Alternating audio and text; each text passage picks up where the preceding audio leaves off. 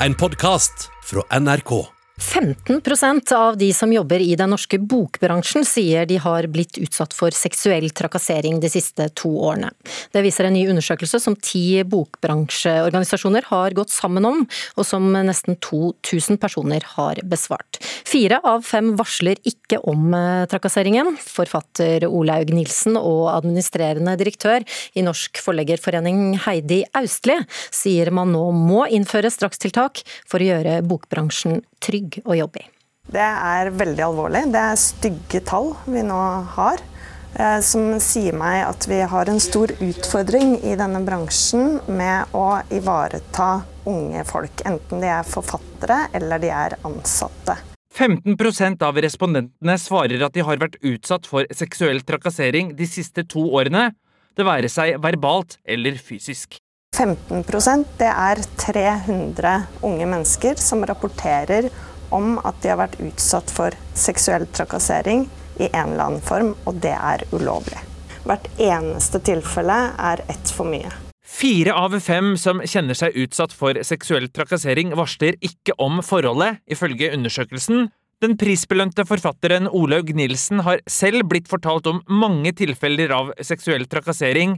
Hun mener tallene tegner et svært alvorlig bilde. Jeg syns jo at det er ille, og jeg mener at det er veldig mange i bransjen, spesielt på min alder og eldre, som trenger å se seg sjøl i speilet og uh, si til seg sjøl 'jeg vil ikke være den grisen her'. Nilsen mener seksuell trakassering ikke bare kan skape store personlige problemer for enkeltmennesker, det kan også gjøre at vi går glipp av store forfatterskap, særlig blant kvinner. Altså Selv om seksuell trakassering rammer begge kjønn, så er det flest kvinner som blir utsatt for det.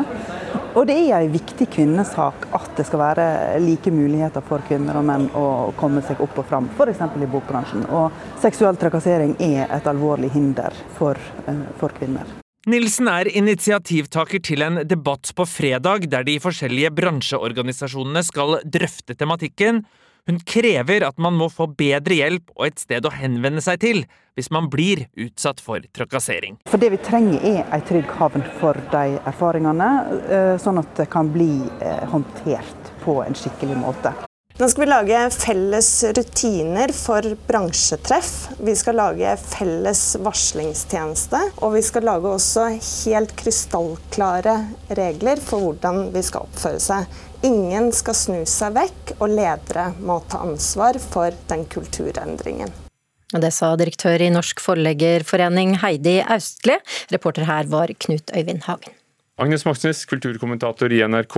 4% sier at de har opplevd seksuell trakassering, eh, altså det, og, og, og, 15 eh, Klassekampen skriver også om dette. Hva, hva ligger i disse to tallene, 4 og 15% Ja, 4 er svaret på spørsmålet om man har opplevd seksuell trakassering, mens de 15 de kommer fra en mye mer differensiert spørsmålsstilling. Om man har opplevd, altså man har fått spørsmål av typen som altså, opplevd ubehagelige blikk, kommentarer, seksualisering seksualiserte vitser osv. osv. Hvor alvorlig vil du si det er, det vi hører og som, som bokbransjen har funnet ut i denne undersøkelsen, hvor de har spurt 1951 personer? Altså, Vi er jo på det femte året etter at Harvey Weinstein ble liksom symbolet på seksuell trakassering. Og, og etter det så har det jo vært oppvask etter oppvask under overskriften metoo. Og vi har kanskje liksom forventet eller håpet at, at man skulle skrive liksom trakassering ut av historien, men her bekreftes det jo nok en gang at det er innenfor nettopp de kreative næringene, som teater, musikk, dans og nå da litteratur, at problemet er størst, og at det fortsatt henger i. Hvorfor? Nei, Det er veldig mange som jobber for seg, eh, for seg selv, altså forfattere, oversettere, og mangler kanskje et nettverk av liksom fagforeninger og kolleger osv. Og så viser denne undersøkelsen at det er mye uønsket seksuell oppmerksomhet som særlig rettes mot unge kvinner. Det kommer ikke fra sjefene egentlig, men veldig mye av det kommer fra eh, kolleger.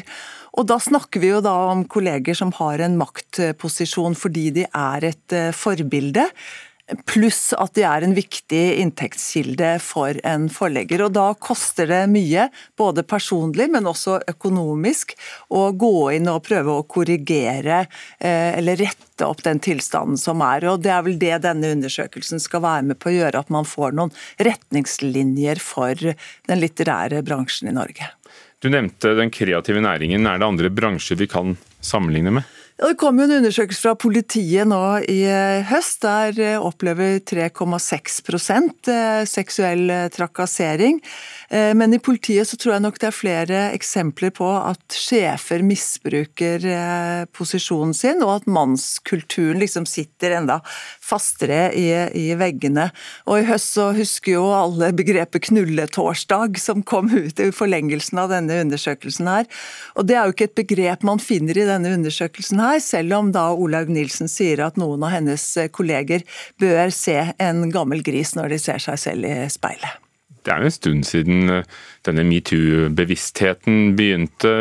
Hvorfor kommer det nå? Hvorfor er det nå de har bestemt seg for å undersøke? Ja, dette kommer helt sikkert til å gå i, i, bølger. og Danskene har laget en lignende undersøkelse. og Så ba jo forfatter Agnes Ravatn i en poengtert eh, kommentar i Aftenposten nå i høst om å få en undersøkelse.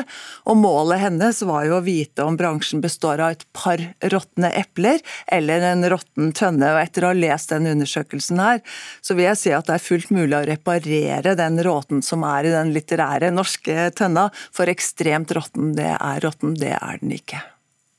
Takk, Agnes Moxnes.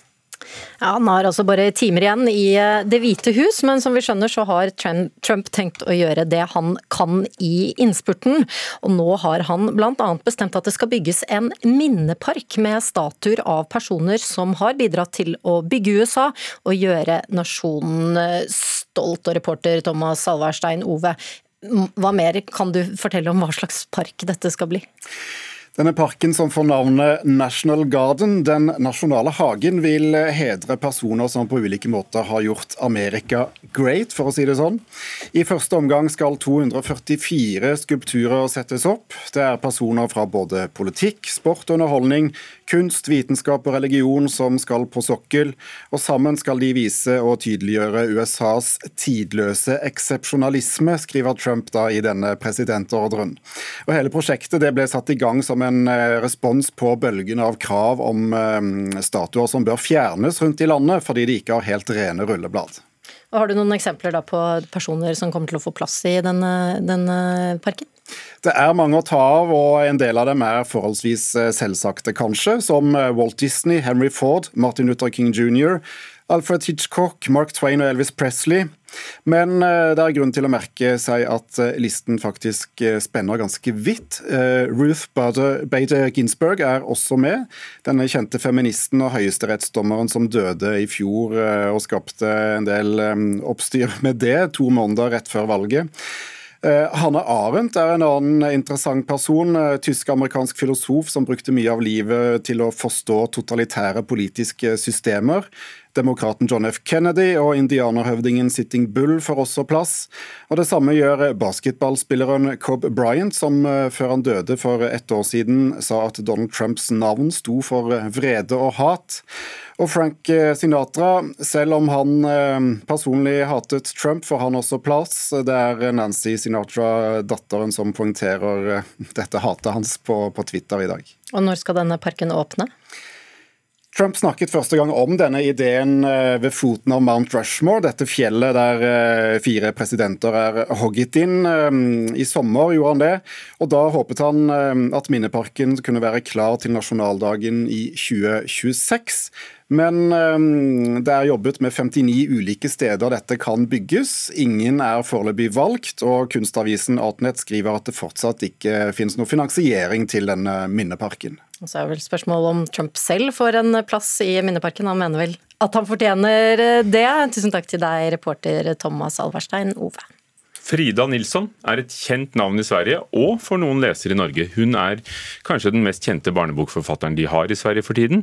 Blant annet har hun vært nominert til Nordisk råds eh, pris for beste barne- og ungdomsbok flere ganger, og nå kommer en av de første bøkene hennes på norsk, over 15 år etter at den kom, med illustrasjoner av den norske tegneren Per Dybvik.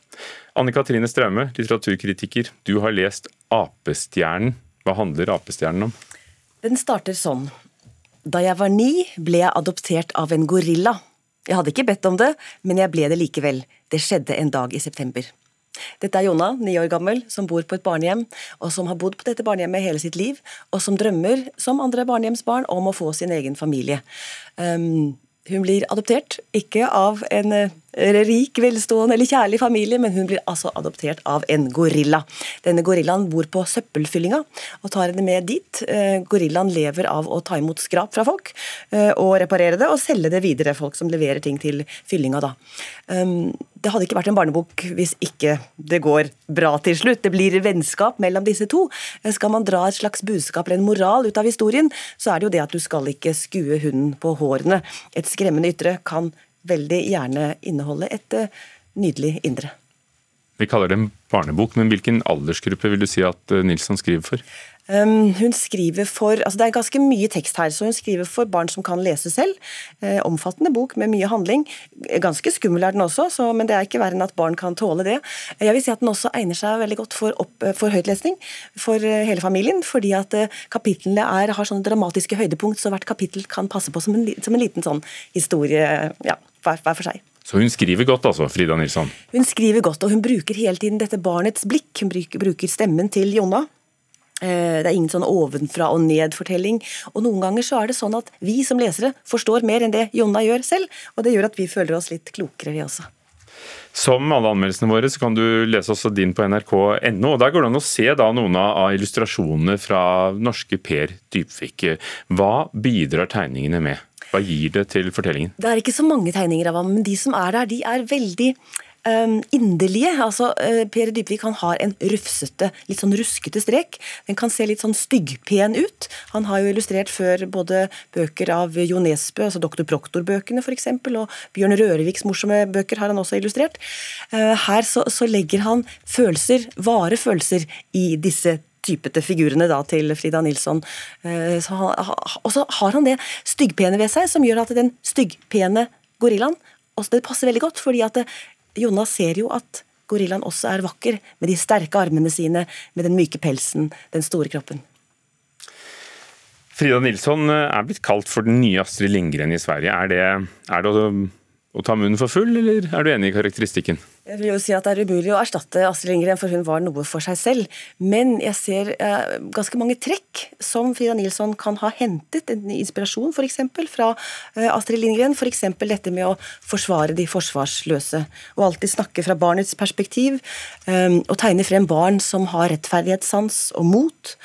Um, så, og, det å kanskje ha magisk, noen magiske elementer, sånn som hun hadde i 'Brødrene Løvhjerte', 'Mio min Mio', ikke sant? dette finner vi også igjen i flere av de andre bøkene til Frida Nilsson. Det eventyrlige, og at det eventyrlige får en naturlig plass i fortellingen. Den rause, varme fortellingen, som begge disse to forfatterne er kjent for. Takk, Anne Katrine Straume. Det kommer en film basert på Apestjernen, og den kommer eh, som tegnefilm på norske kinoer i april. og så nevner jeg bare enda en gang at alle anmeldelsene våre finner du på nrk.no anmeldelser, og det er veldig greit, for da går det an å se både bøker, film, kunst osv. Du har hørt en podkast fra NRK. Hør flere podkaster og din NRK-kanal i appen NRK Radio.